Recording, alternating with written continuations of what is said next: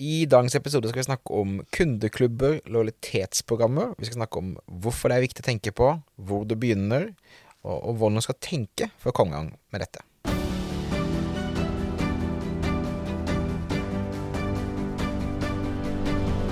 Jeg føler at du er mest kvalifisert Marte, til å begynne å prate om det, i og med at du har hatt din stillingsbeskrivelse, at du har jobbet med kundeklubb. Ja, Så- det har vært uh, den tittelen vi kom frem til til slutt. Ja. Og det var ikke lett, for dette er jo et felt i bevegelse. Det var CXM Manager, som jo er en helt håpløs tittel, egentlig. Fordi at alle som, man, som jeg sa det til, så ut sånn som, sånn som deg nå. Bare uh, what? Customer, Hva, hva er du egentlig? Ja. hva driver du med? Og hva står CXM for? Customer Experience Management er det. Mm. For man går videre fra liksom CRM, og så skal det omfatte hele verden, og da passer det med en X. Det er i hvert fall Riktig, ja. sånn tolker Alltid bra med en X. Ja, men, men egentlig så er det noe fornuftig i det, fordi at det handler ikke bare om em, lojalitet, det handler om kundens opplevelse. Vi må ha med oss det. Uten å spoile hele episoden. Vi skal gjennom masse praktisk her. Uh, men vi kan godt ta med oss det fra start, at vi bryr oss veldig om kundens opplevelse. Og ikke bare kundeklubb Yes. for, eh, for eh, butikkens del. For vi begynte med å diskutere liksom, Skal vi snakke om lojalitet? Skal vi bare snakke om liksom, kundeklubbprogrammer? Og det vi kommer fram til, er at lojalitet er, er altfor stort. Så vi skal måte prøve å fokusere på da hva kan du som nettbutikk eh, tenke gjøre for å skape mer lojale kunder ved å putte det gjennom et program, en, Ja. en, en gjennomført tanke, en prosess for å eh, bygge tettere lojalitet eh, til, til kundene dine? Og det er et veldig aktuelt spørsmål. Stadig kontakt med nettbutikker som, som driver og tenker på dette her, skal i gang med det. Ja, vi burde vel ha en sånn kundeklubb. Og det er ikke bare fordi at alle andre har en kundeklubb, men fordi at man skjønner etter hvert verdien av å legge til rette og jobbe aktivt for å få lojale kunder. Mm. Så jeg tenker vi kan starte der med hvorfor skal man egentlig, og bør man ha en eller annen form for lojalitetsprogram eller kundeklubb? Ja. Skal jeg svare på Eh, spørsmålet? det, ja, det Begynne å svare. Vi kan snakke, snakke litt, uh, litt rundt det. Altså, um, noe av det som er uh, helt eh, grunnleggende, det er jo det at å skaffe nye kunder hele tiden, Mm.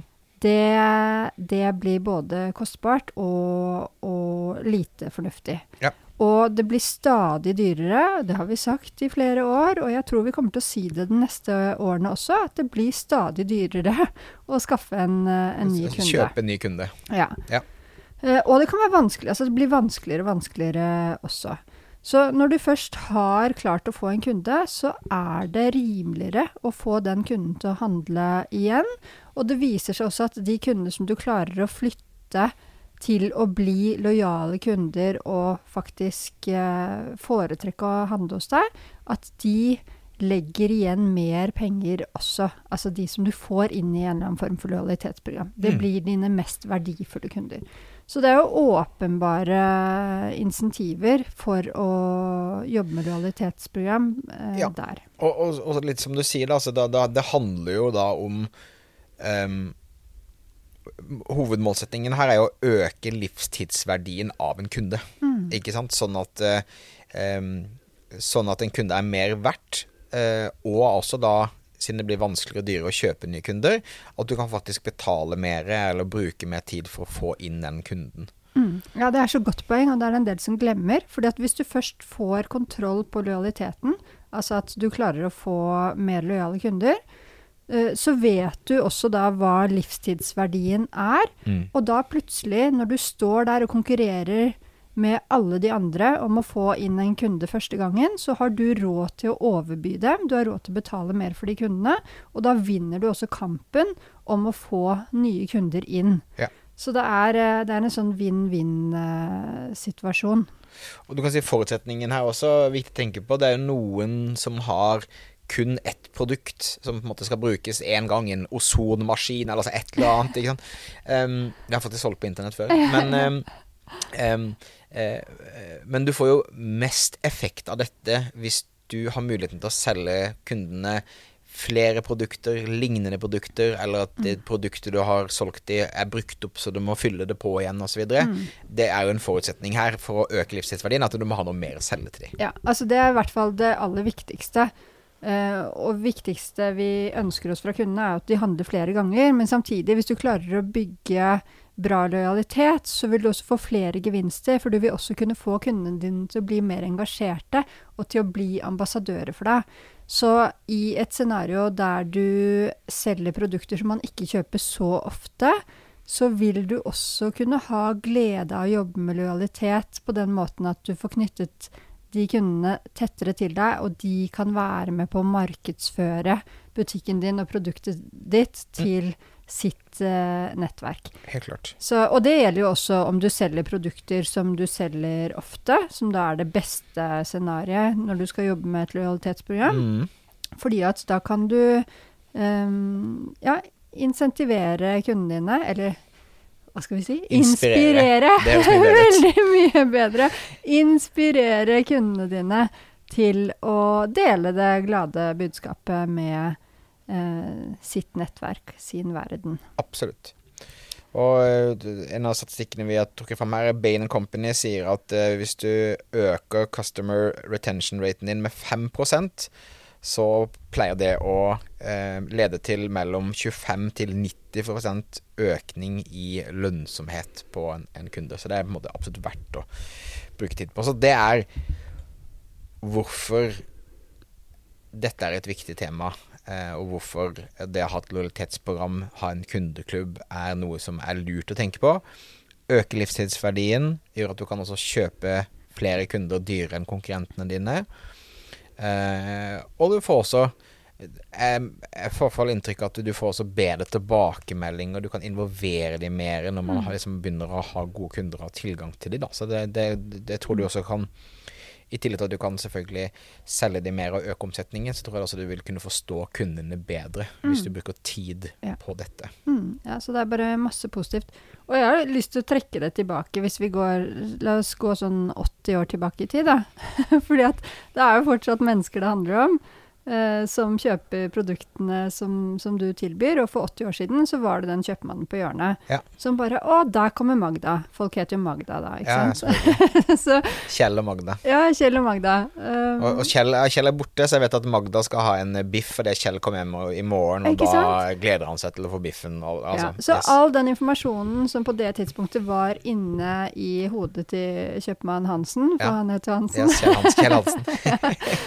det eh, må vi nå, de fleste av oss, eh, håndtere gjennom en eller annen form for system, og ja. eh, ved å strukturere data osv. Men utgangspunktet er det samme. Mm. At vi ønsker å bli godt kjent med kundene våre. Og vi ønsker å kunne behandle dem ulikt ut ifra hva hver enkelt fortjener.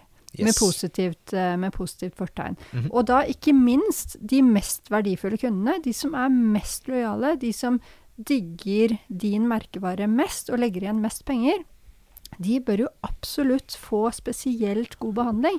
Det er klart at når Magda går og handler fire ganger i uken hos uh, kjøpmannen på hjørnet Hvis Magda har glemt lommeboken hjemme, så var ikke det noe stress. ikke Nei. sant? Eller hvis Magda hadde lyst til å bare betale en gang i måneden, mm. så var det helt fint. Så da kan man bare skrive opp, og så betalte hun en gang i måneden. Det var en tillit der, en relasjon. Ja, Så, så det samme gjelder når vi, har, uh, når vi har kundeprogrammer.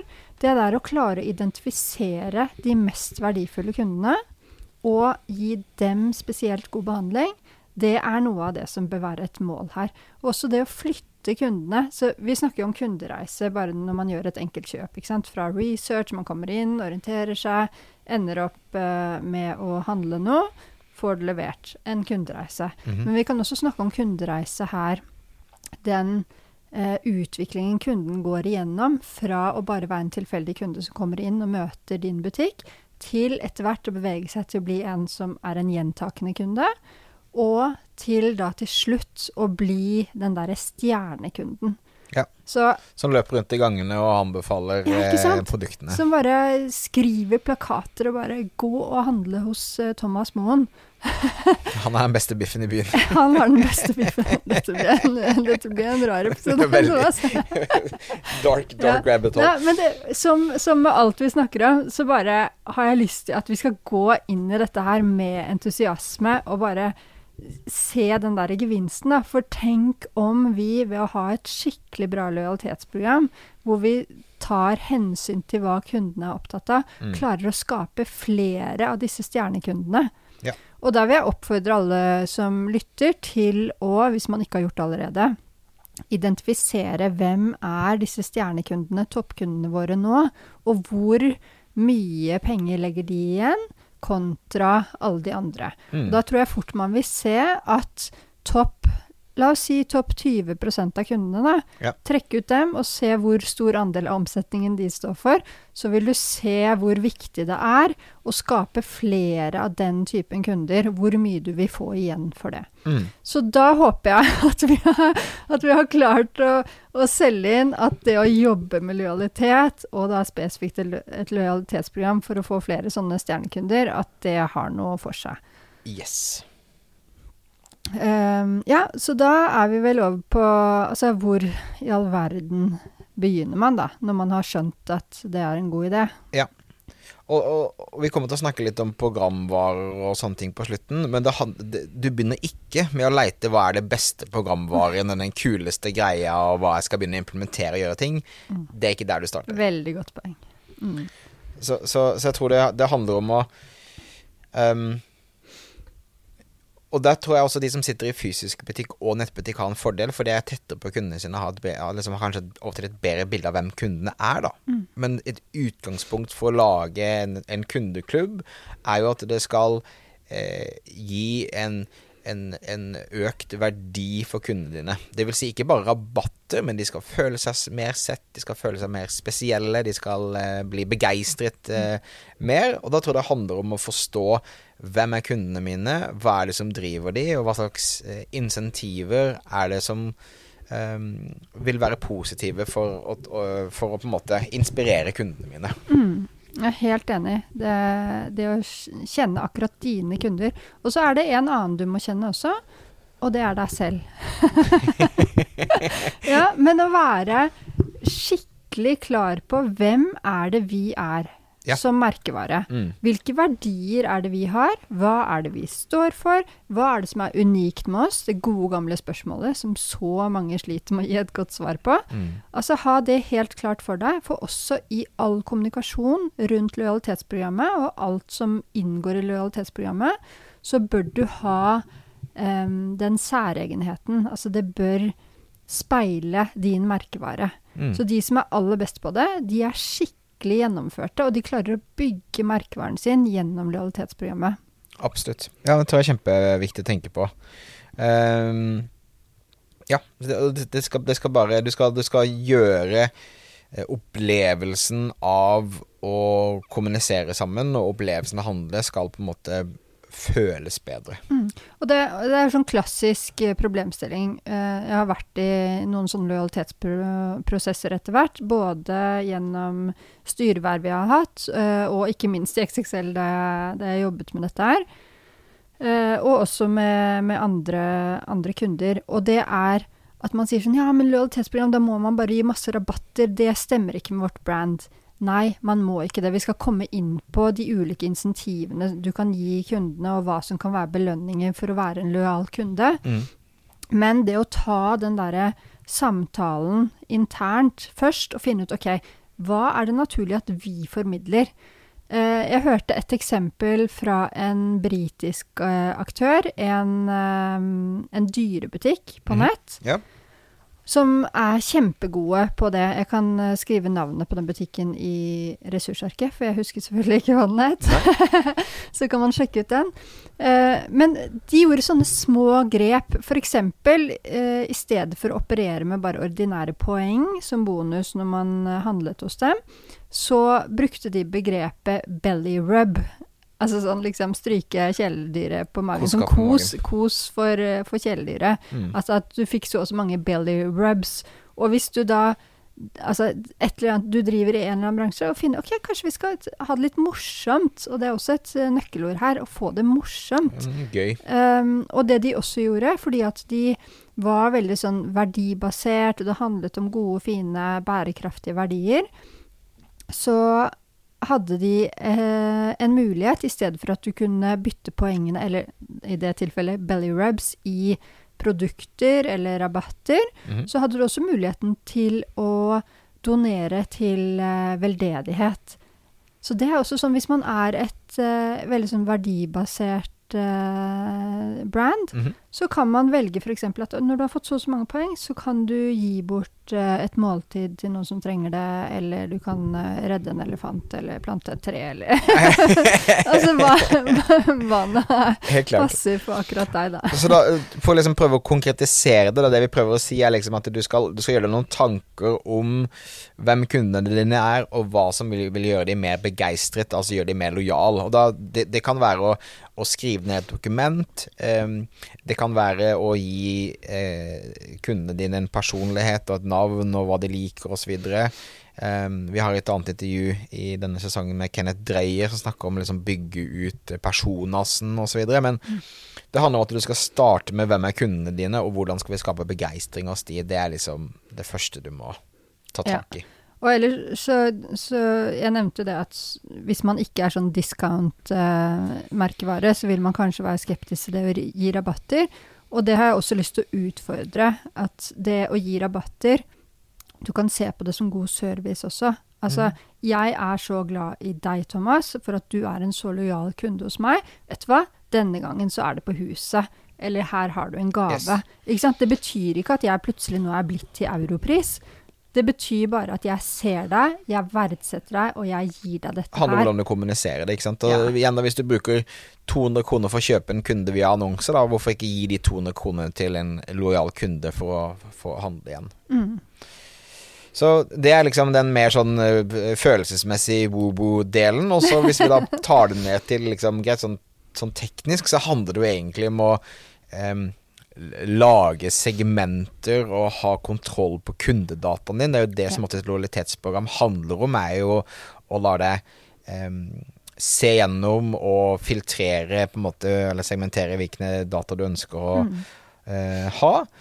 Em, men men uh, det had, da er vi på en måte mer inne i greit, da.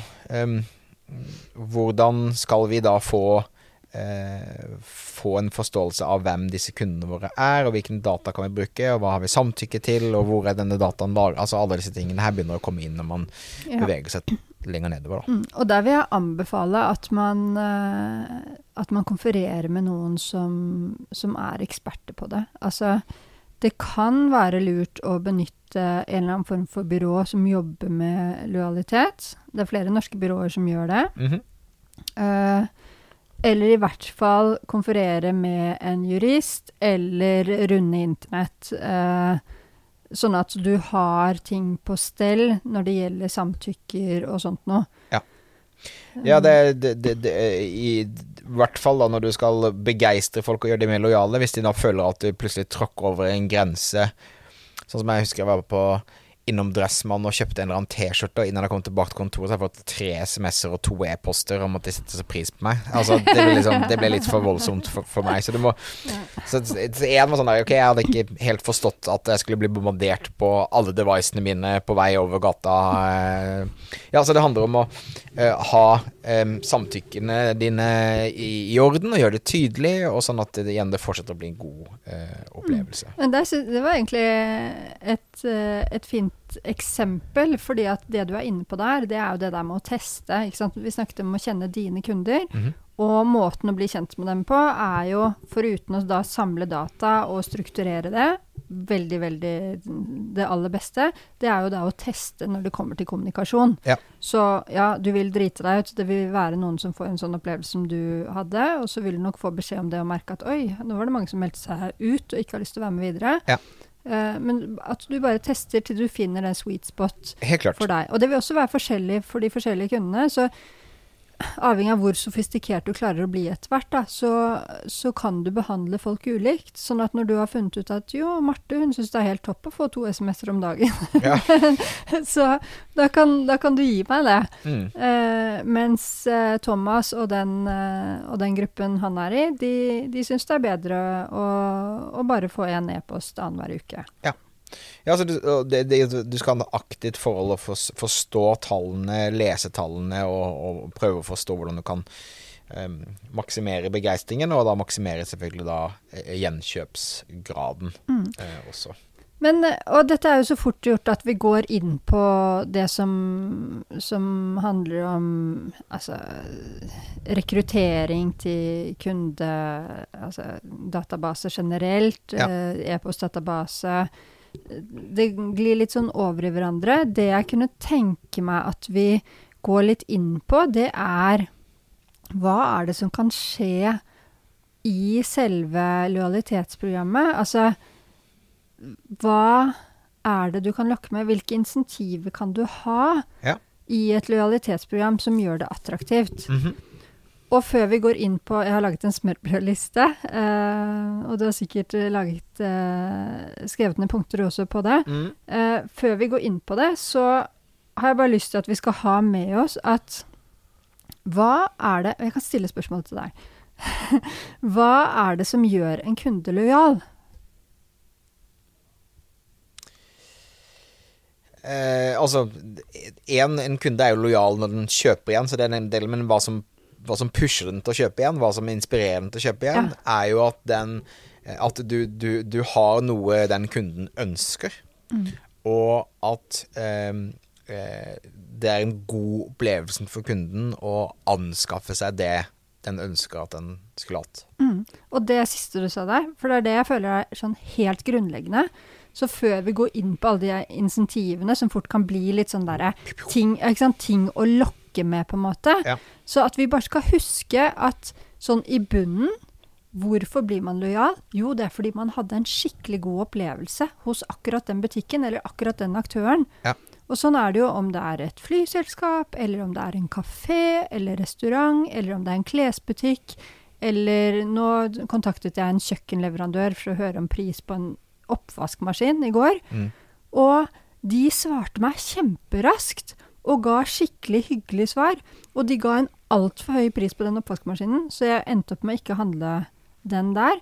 Men det der å faktisk behandle kundene ordentlig bra Hadde de i tillegg gitt en god pris på den oppvaskmaskinen, så kanskje jeg hadde blitt en kunde for livet. Ikke? Så, så det å huske, og da er det bare å høre på alle episodene vi har gitt ut til nå, så får man masse input om hvordan gi god kundeopplevelse, og hva som gjør en kunde fornøyd. Men det må på en måte ligge i bunnen. For Ja. vi kan snakke oss helt blå i ansiktet om insentiver, og du kan lokke med sånn poeng og triple poeng på torsdag osv.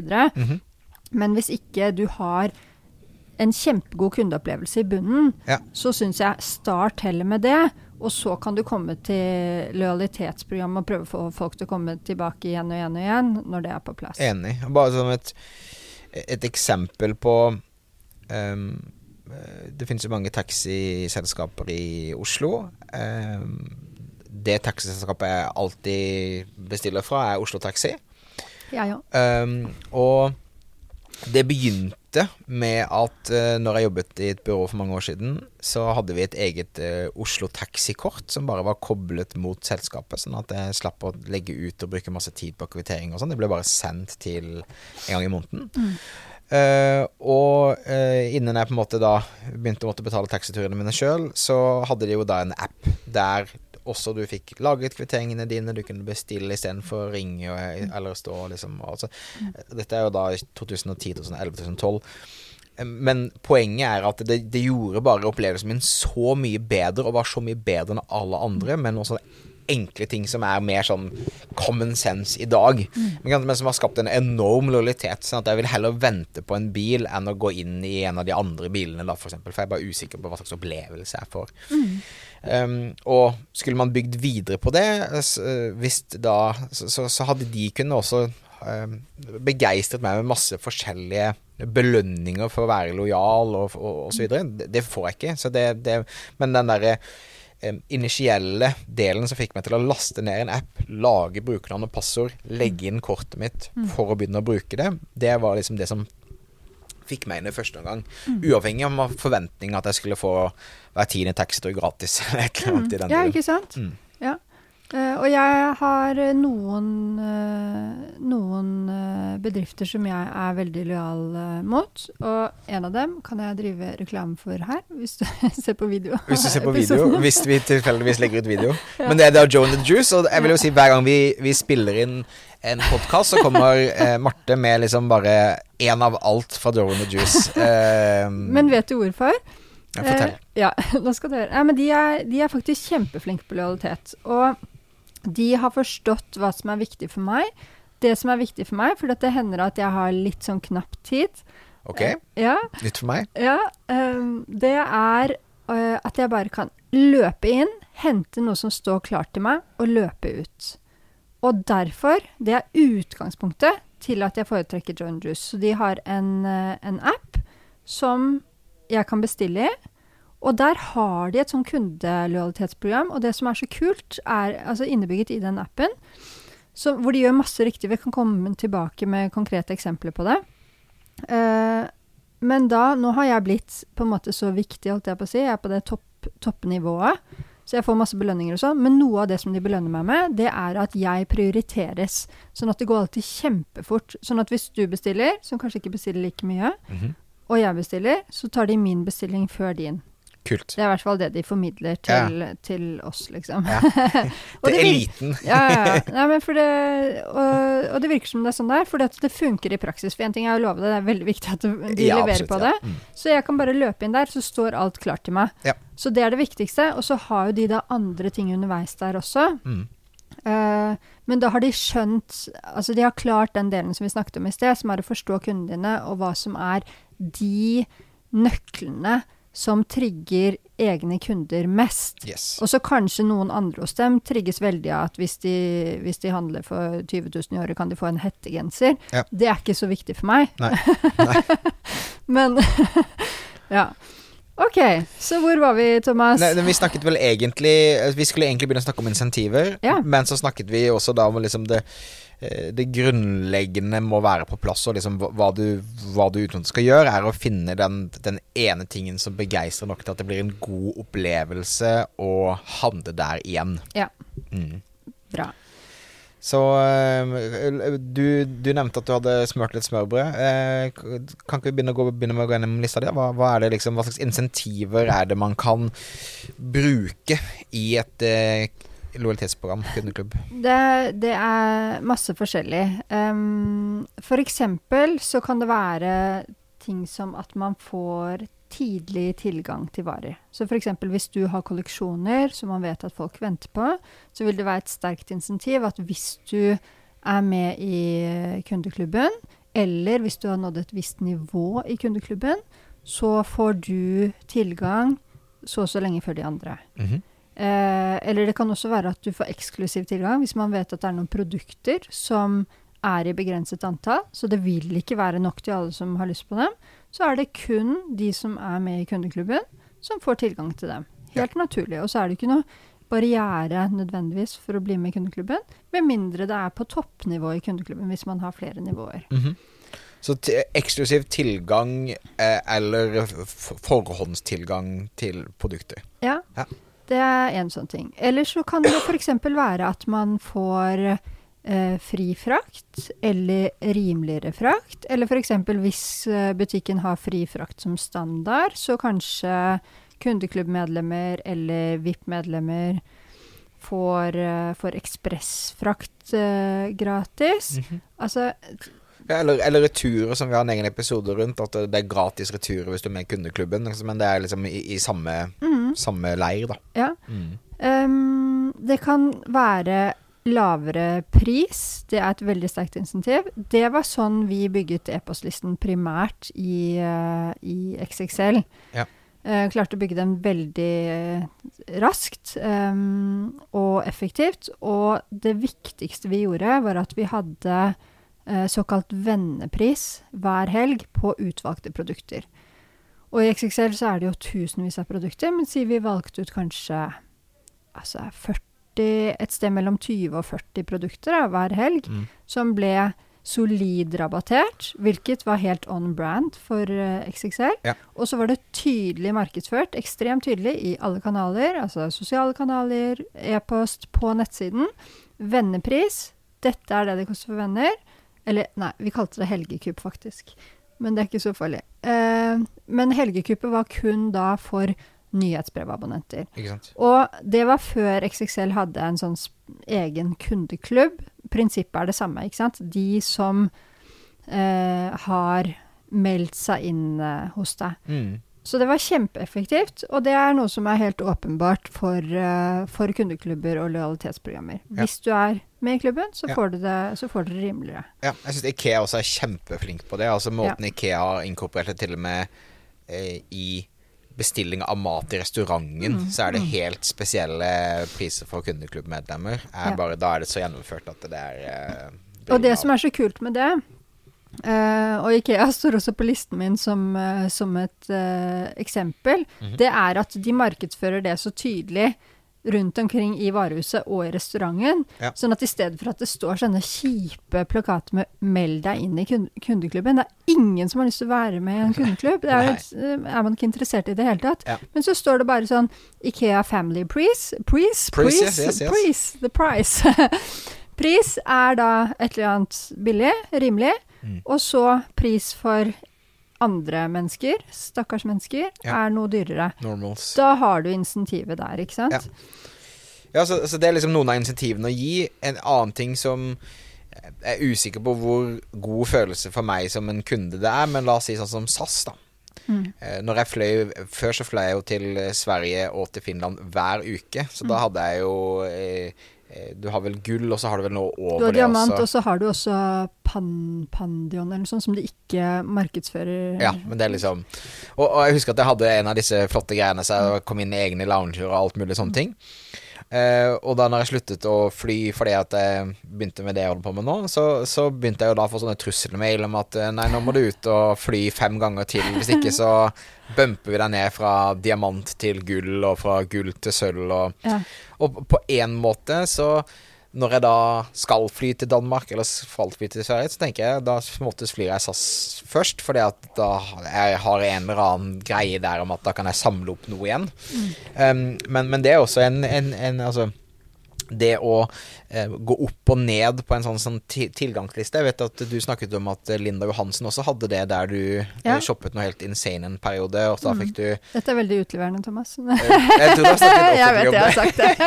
Men jeg tror eh, da, da, fikk du, da fikk du veldig så du, du Gå opp et nivå der det var masse masse insentiver, Mm. og så var det mindre insentiver fordi oppe altså alle jobbet med liksom få Ja, og. Tim, Tim Wold snakket jo også, var så vidt innom det i episoden der vi intervjuet ham, Ja. som var i sesong to, og handlet om hvordan vinne netthandelsprisene. Kjempegod episode. Mhm. En av mine favoritter.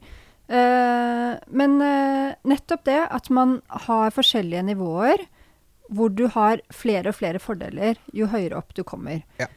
Og når det er sagt, ikke sant, nå har vi nevnt SAS, som er Det er ganske Det er sånn intrikat. Altså, det er mye greier. Du kan lese sikkert et kvarter på den siden hvor det står beskrevet uh, lojalitetsprogrammet deres og de forskjellige nivåene og sånt noe. Mhm. Så uh, det vil absolutt kunne være fornuftig å operere med forskjellige nivåer, for det er et sterkt insentiv hvis det er noe som er reelt attraktivt for meg som kunde, Ja. å gjøre det som skal til for å komme meg oppover. Mhm. Eh, og så må man bare passe på at man gjør det så enkelt som mulig. At ikke det blir overveldende og komplisert for kunden. Ja. Og det handler jo veldig mye om hvordan det kommuniseres, både visuelt og med ord. Um, men at man bare hele tiden har det i bakhodet, at det skal være enkelt. Mhm. For jeg tar mantraet mitt, jeg. Ja. Don't make me think. Jeg vet ikke hva det er på norsk. Jeg pleier bare alltid å si det på engelsk. Jeg har gjort det i foredrag i ti år. kanskje. ja. Det kan stemme. Løste vi det? Ja. Eh, Men oss, kan vi ikke ramse opp noe flere, bare for å gi folk noen ideer? Eh, jo, absolutt. Eh, ja, så vi har sagt fri frakt, billigere frakt. Eh, forlenget bytte- og returrett. Ja. Det kan være digg å ha. Absolutt. Eh, utvidet garanti på produkter. Mhm. Et år ekstra, liksom, på å reklamere på den radioen. Eh, et veldig godt insentiv hvis du selger produkter som er ment å vare en stund. Det er elektronisk kvittering. Altså, du slipper å ta vare på kvitteringen. Ja. Vi har full oversikt her. Det er. Og det har man jo automatisk med en gang man er med i en kundeklubb. Ja. Så, men det å kommunisere det tydelig ut Som en fordel, liksom. ja, Mm. og det var en annen ting vi brukte aktivt i XXL, og særlig eh, Så det er jo særlig relevant da Eller for de som har fysiske butikker. På nett så er det liksom ikke noe problem, for der ligger kvitteringen din. Forutsatt at du faktisk registrerer en kundekonto, da. Mm -hmm. uh, og så kan man være kreativ hvis du har klart å lage en slags sånn community-fil rundt, uh, rundt merkevaren din, så kan du tilby tilgang til en sånn lukket community. Altså si at du har en sterk frontfigur eller noe sånt noe som folk har lyst til å få kontakt med. Så kan du si at hvis du er med i kundeklubben, eller kommer opp på det og det nivået, eller du kan til og med ha folk til å liksom betale for det, litt avhengig av hva du selger, Ja. så får du tilgang til et lukket community. Så kanskje hvis du selger noe hvor det er behov for noe eh, guiding eller ekspertise eller sånt noe, så kan det være noe å tenke på. Mhm. Og en annen ting er tjenester. Også kjempe, kjempefint å koble til, eh, til et lojalitetsprogram. Så hvis du selger noe som trenger noen form for service, da eh, Igjen så kan jeg bruke eksempel fra XXL. eh, det med å ha gratis sykkelservice. Um, nå vet jeg ikke om det er lukket kun for eh, for kundeklubbmedlemmer der eh, per nå eller ikke, men det er typisk sånne ting som man kan tilby. Eller egne priser på, på servicetjenester. Mm. Alt med fordeler. Eh, Altså Alt Alt som gjør at det skal være gøy å komme tilbake og gi en ekstra god opplevelse. Ikke sant? Det Alt som liksom- kunden er sånn oppriktig interessert i. Ja. Ehm, ja, og så nevnte jeg jo tidligere det, det der med å koble det til noe veldedighet, f.eks. Mm. Og det Så egentlig, dette var jo en sånn liten smørbrødliste bare dumpet ut av Ja. mitt lille Husk at du også kan laste ned show Nei, hva heter det? Ressursarket. Som, eh, som på en måte oppsummerer hovedpoengene våre, som, som liksom Mm. gjør dette greit og oversiktlig. Ja. I tillegg til at selvfølgelig vi prøver å gjøre det greit og oversiktlig. Men ok, hvis vi, vi er liksom forbi insentivet, la oss liksom dyppe litt mer i det, så eh, Det tror jeg er bare viktig liksom, for at det ikke skal høres så overveldende ut. Du trenger ikke et eller annet superavansert system for kontroll. Det handler egentlig bare om at du um, Du har en liste, du har en oversikt på en eller annen måte av de kundene som ønsker å få fordeler, eller som har handlet såpass mye at de har kvalifisert til et eller annet. Så det vil si em, Det kan holde å ha en e-postliste. Altså, vi har kunder som da når kunden Når noen har gjennomført fem kjøp, så får de automatisk tilgang til en fast rabattkode og andre typer ting. Og det er jo en lojalitetsprogram, men der, der er det bare e-postlisten som plukker opp at når denne personen kjøpt fem, ganger- fem ganger.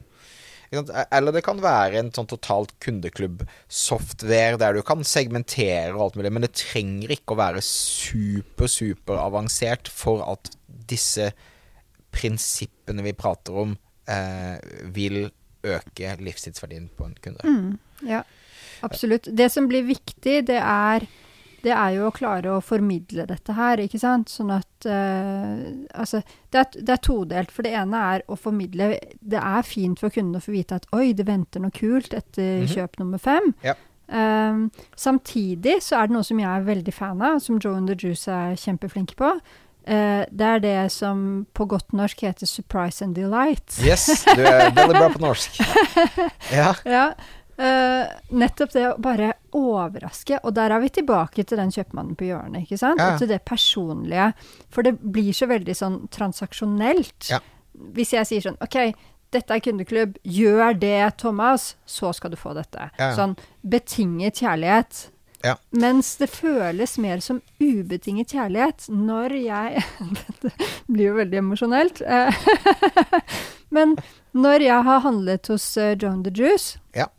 og så plutselig så popper det opp i appen, og det gjør det hele tiden, sånn Du har fått en gave! Og, og jeg syns det er så kult at det er ikke sånn Kom igjen, Marte. Kjøp en ting til, så får du en belønning. Du er kun eh, ti kroner unna, liksom. For Ja. da føles det sånn Å, de skal drive og pushe meg til å handle mer. Ja. Jeg liker ikke så godt det, men når det er sånn bare Å, vi setter pris på deg, her er en gave. Ja. Så det er det med overrask og delight. Og i den altså. tradisjonelle verden, altså Jeg sitter eh, altfor ofte på Bak og Brun her i Bogstadveien. Eh, og der er det Linda som er da eh, Hun er liksom peaket, eh, føler jeg. Hun er liksom den ultimate hyggelige bakeren eh, bak, eh, bak resepsjonen. Kred til Linda, Kred til i- Linda. bak i brun Og eh, hun kommer da av og til og bare Hei, eh, her har du en liten kake til kaffen min når jeg sitter og, sitter og, og jobber med mail eller et eller annet på morgenkvisten. Og så Surprise and Light, det fungerer kjempebra. Det Mm. Er så lite som skal til for å liksom Og akkurat, og det som er med, med den der, hvor du Det som skjer, da, hvis vi går til psykologien her, Mhm. det er at du føler deg sett, og du føler deg verdsatt, og du føler deg spesiell. Ja. Og ved den typen som positive overraskelser, så øker sannsynligheten så veldig for at du forteller om til noen. Så jeg sitter her og driver reklame for Joe and the Juice fordi at det dukker opp. Og da er det jo liksom ikke Mr. Joe, han danske, som startet dette, Nei. som ikke heter Joe, uh, som som kommer personlig til meg. Det er en app som pusher, pusher ut, men Ja. likevel så blir jeg glad og føler meg spesiell, Yes. og forteller om det her. Og Linda, som da er hakket mer personlig, Ja. som gjør at du forteller om det der. Så hvis man klarer å få til den der hyggelige overraskelsesmomentet, så er det et veldig, veldig godt uh, tips. Helt klart. OK.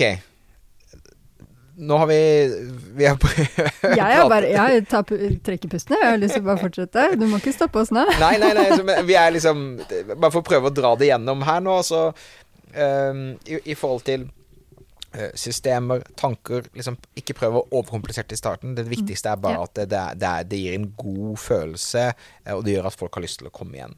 Eh, og så syns jeg du snakket om og Før vi begynte å, å, å tape, så snakket du liksom at det er jo det er mange av disse som de flinkeste i klassen som har masse felles trekk. Ikke sant? Altså hva, hva liksom Hva er gode fellestrekk? Um, eh, og da liksom Gjør det enkelt for kunden, enkelt å forstå, enkelt å håndtere for de ansatte. Det er også en viktig ting her. da, ikke? At, at kundeservice eller andre har en måte å identifisere disse menneskene på og håndtere det, sånn at det internt ikke blir mye pain også. Det er jo noe man må tenke på, tenker jeg. Men, men eh, liksom det å eh, gjøre det enkelt, eh, og gjøre det hyggelig og en god opplevelse, og ikke alltid vite hva man får, men at det, det er hyggelige overraskelser, det tror jeg liksom er gode.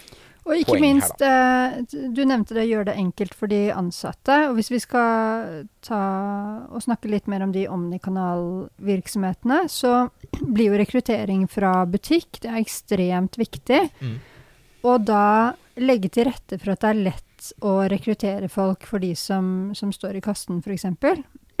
og da går det jo både på systemet å putte inn, og kanskje putte så mye som mulig over på kunden. Altså ikke det at kunden må gjøre masse jobb der, men at det er enkelt for kunden å melde seg inn der og da. Men at hele den derre um, samtalen hvor du skal overbevise kunden som står foran deg, til å melde seg inn i kundeklubben, Ja. at den må være ekstremt bra lagt opp, Mm. og at det skal være enkelt. Og der må du ha de insentivene. Du må ha identifisert hva er det som kunden virkelig er interessert i. Ja.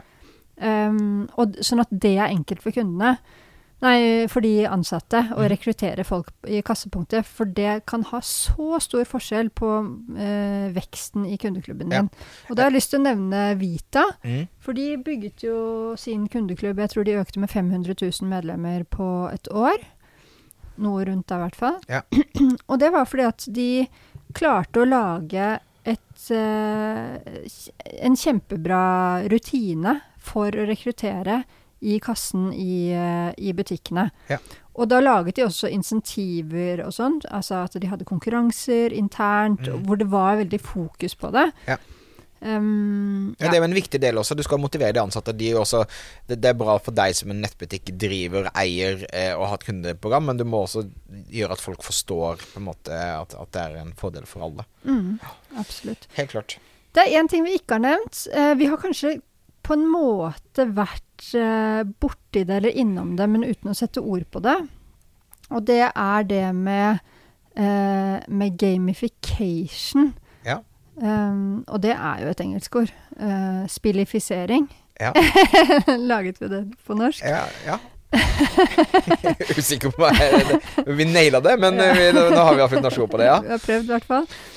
Eh, jo, fordi at for Spill, kunden du skal bruke spillmekanikk, spillmekanismer, Ja. for å inspirere folk. ja Mm. sånn, at, uh, sånn at jeg virkelig blir motivert og inspirert til å gå til neste nivå. At jeg syns det er gøy. Bare det gir meg noe, dette å være en del av, av dette programmet. Ja. Um, og igjen, det kan både være det at at det føles Oi, det skjer noe, eller at, uh, at det er noe Nå har jeg ingen sånn gode spilleksempler inne her. Men uh, igjen, ta Joe and the Juice. Det de har som kan være med på å gi meg poeng, det er rett og slett at de har en liten quiz inni appen. Plutselig så dukker det opp eh, spill, spill en quiz. De kaller det trivia. Mm. Og så stiller de et enkelt spørsmål om Joe and the Juice med tre svaralternativ. Og så er det A, B eller C, og hvis jeg gjetter riktig, så får jeg så og så mange poeng, og så går liksom høyere opp, sånn at jeg kan nærme meg neste nivå Ja. på den der poengstigen. poengstigen. -hmm. Og det er jo ikke noe sånn De tjener jo ikke noe mer penger på det, men det er, det er et eh, veldig viktig poeng med at de gjør det, fordi at jo flere poeng jeg får, så desto eh, mer Involvert er du i ja, jeg er både eh, involvert, og i det tilfellet så kan jeg velge å gå på Joe and the Juice sin hjemmeside og lese en artikkel som de lenker rett inn til, Ja. og finne svaret på spørsmålet. Men de både klarer å engasjere meg, som er et veldig viktig stikkord når det gjelder lojalitetsprogrammer, å få Mm. engasjerte kunder. Mm. Uh, men i tillegg, hvis man har poeng som faktisk kan brukes på produkter, sånn som Linda Johansen har Ja. Hvis jeg da får flere poeng, så vil jeg være nærmere og ønske å bruke de poengene. Og da har du også en grunn til å kommunisere med meg og si sånn Ja, Marte, se her, nå har du så og så mye poeng. Du har råd til de og de tingene. deg, tingene. Eller Mm. Ikke sant? Ja. Så, så der har de i hvert fall spillelementet sånn helt konkret, Ja, da, ved at veldig jeg spiller, eh, spiller et spill. Da tror jeg at vi Altså, vi, vi, vi, har, vi velger Nå snakker vi litt om systemer. Mener jeg at nå, nå vi, vi er nesten på en time, så jeg tror vi må dytte det litt framover. Og vi har valgt da at vi lister ut noen systemer i ressursarket, bare for det, det blir liksom for omfattende å gå i dybden på nå. Men vi har lyst til å snakke litt om hva man skal se etter i et sånt system. Mm. Eh, og det fins norske, det fins internasjonale, det fins dyre, det fins billige. Mm. Eh, det kan bare være en Excel-ark eh, hos deg. Altså, det, det fins masse måter å gjøre dette på. Mm. Vi, skal, vi, vi kommer til å liste noen systemer som vi, vi er klar over. Eh, men, men hva skal man se etter et sånt system? Mm. Og der er det mange forskjellige svar, fordi at det du skal se etter, eh, det er de tingene som akkurat du har behov for. Din virksomhet. Så det er der vi starter. Det er det som er det aller, aller viktigste når du skal finne et system. Det er å liste opp hva er det vi ønsker oss av funksjonalitet. Hva er det vi ønsker oss, hvordan vil vi det skal funke? Vil vi at det skal være mulig å gi ut rabattsjekker? Eh, vi ha, liksom, må vi ha noe sånn kupongsystem her? Eh, individuelle rabattkoder, eller skal det bare være felles rabattkoder? Eh, hva, hvilke andre systemer trenger lojalitetssystemet å snakke med? Ja. Skal det ha e-post og SMS-funksjonalitet integrert, sånn at det er sånn delvis eh, marketing automation innebygget, eller har vi et annet system? Kanskje man har Klavio eller en annen sånn e-postsystem Mm. så- som ivaretar alt det der. Ok, da er det viktig at de kan snakke med deg. Så det å bli klar for deg selv på egne behov, sette opp en sånn kravspesifikasjon, det er det aller viktigste. Og så er det så fort gjort at man, man kan bli um, Hva skal vi si Blindet. Altså um, fristet og imponert over hva eh, noen systemer kan tilby. Ja. De har en sånn lang liste. De kan gjøre det, de kan gjøre det, de kan gjøre det. Og de kan vise til cases at de har den og den virksomheten som gjør ditt og datt, og da økte de salget med så mye, osv. Mhm. Men du trenger ikke å kjøpe en Rolls-Royce hvis du egentlig har behov for funksjonaliteten til en, uh, hva slags Golf. Golf, ja. Det var akkurat den bilen. Ja. ikke sant? For det, det, det kan bli for komplisert Ja. eh, å håndtere. Ja, også, så jeg vil også påstå at de aller fleste som kjøper sånne avanserte systemer, bruker kun 10% av alle de funksjonene likevel. Så det, Mm. det handler om hva er, hva er hovedmekanismene som du ønsker å insentivere Kjempebra, Thomas. Yes. Ja. eh, kundene dine til for å skape mer lojalitet. Ja. Det er det viktigste. Eh, og bruk det først, før du liksom begynner å smelle på med fyrverkeri Ja. og ballonger. Og så de vanlige tingene som det er naturlig å minne om når man er på systemjakt. Mm. Det er jo det med support fra systemleverandør. Eh, holder det at eh, de sitter i utlandet og bare snakker engelsk, eller trenger du faktisk noen som snakker norsk? Trenger du å ha noen som du kan ha møte med jevnlig og sitte ned og liksom Som du kan jobbe veldig tett med? Yep. Eh, trenger du en leverandør som kan sette opp sånne ulike flows og sånn for deg?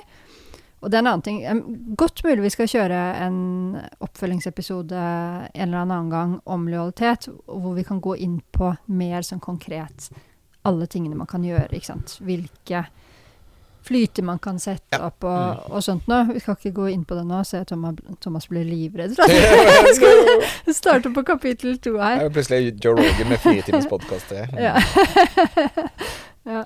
Um, nei, men det, helt klart, så, så det, det ikke, det altså, Dette handler om å på en måte overordne hva er våre tanker, hva er de initielle tingene du skal tenke på når du Mm. begynner med lojalitet. Og da er, det, da er det liksom en tydelig kravspekk, hva som er viktig for deg. Ikke bare kopiere hva alle andre sier, men hva tror du er riktig for å Mm. inspirere kundene mine til å liksom gå inn i dette kundeprogrammet.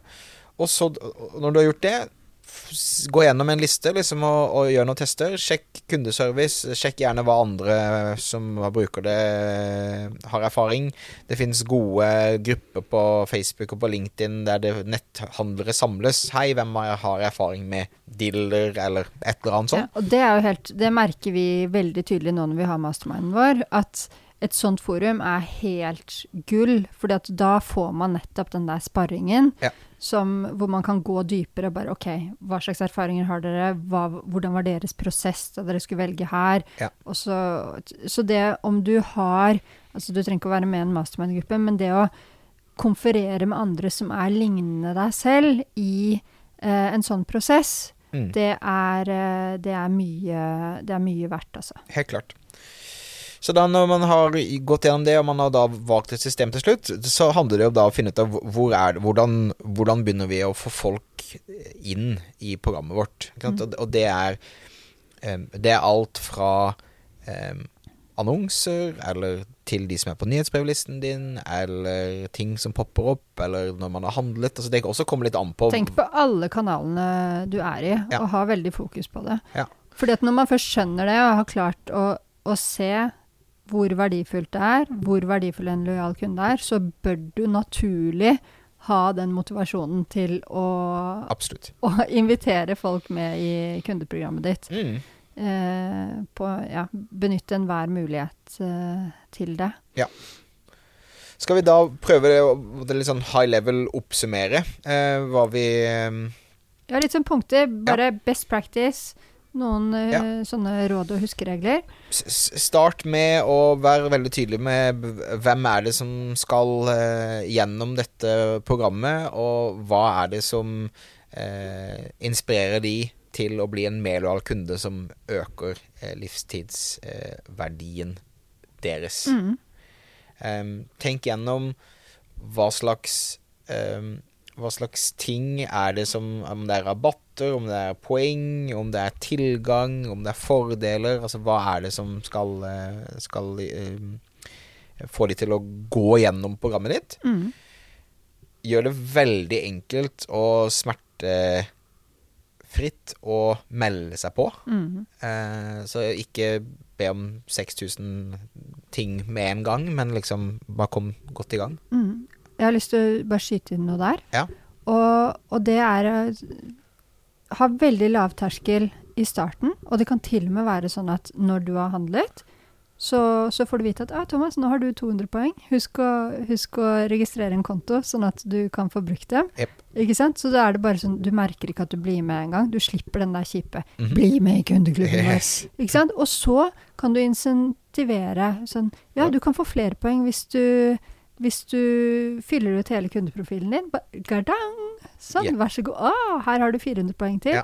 Og du kan få flere poeng hvis du legger igjen en anmeldelse. Det vet jeg Linda Johansen gjør, Mm. med, med godt resultat. Hvis du legger igjen anmeldelse med bilde, for man har sett at det konverterer enda bedre, får du enda mer. Med video får du enda mer poeng. Ja. Hvis du tar og deler på sosiale medier, så får du enda mer poeng. Ja. Ikke sant? Så man belønner kundene for alt, alt man vil at de skal gjøre. Jeg tror også bare viktig å nevne GDPR, personvern, samtykke. Pass på at du har alle de tingene på plass. Veldig. Um, det, det bør de fleste være klar over nå, men det er bare viktig å nevne, um, tenker jeg.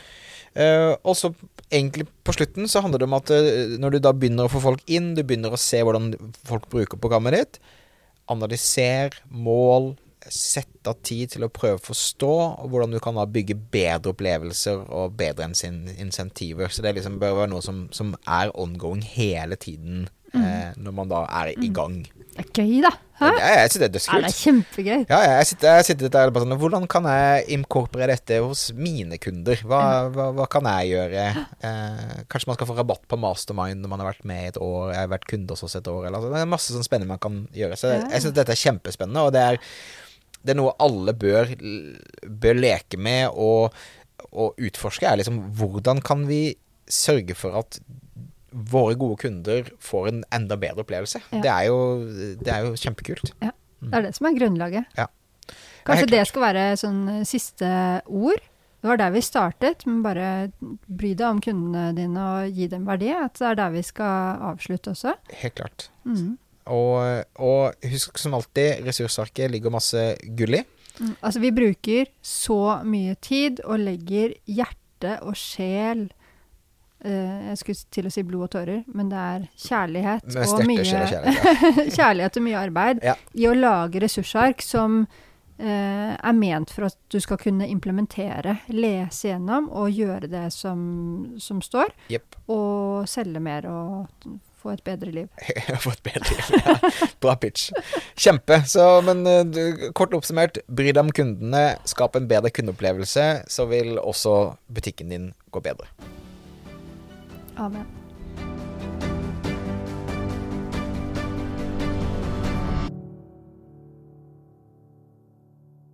En siste ting før du går. Jeg vil gjerne invitere deg til netthandelskonferansen. I august hvert år tar meg og Marte Klammen og samler de mest spennende, mest inspirerende personene innenfor netthandel, og kommer med konkrete råd og tips som du kan ta med deg hjem og implementere når du kommer hjem fra konferansen. Oppdatert dato og oppdatert program finner du alltid på netthandelskonferansen.no. Og som podkastlytter så får du 1000 kroner i rabatt på den til enhver tid gjeldende prisen. Så når du bruker eh, kupongord podkast med C, P-O-D-C-A-S-T, når du sjekker ut, så får du altså 1000 kroner i rabatt. Det er fantastisk når du samler deg et rom med hundrevis av andre som er interessert i netthandel. Det blir gode samtaler, det blir gode relasjoner. Og som sagt, foredragsholderne er vi ekstra stolte over. Her kommer en veldig konkrete råd for folk som gjør dette hver eneste dag, som skal hjelpe deg å bli mye bedre. Så jeg håper du har lyst til å stikke innom netthandelskonferansen.no.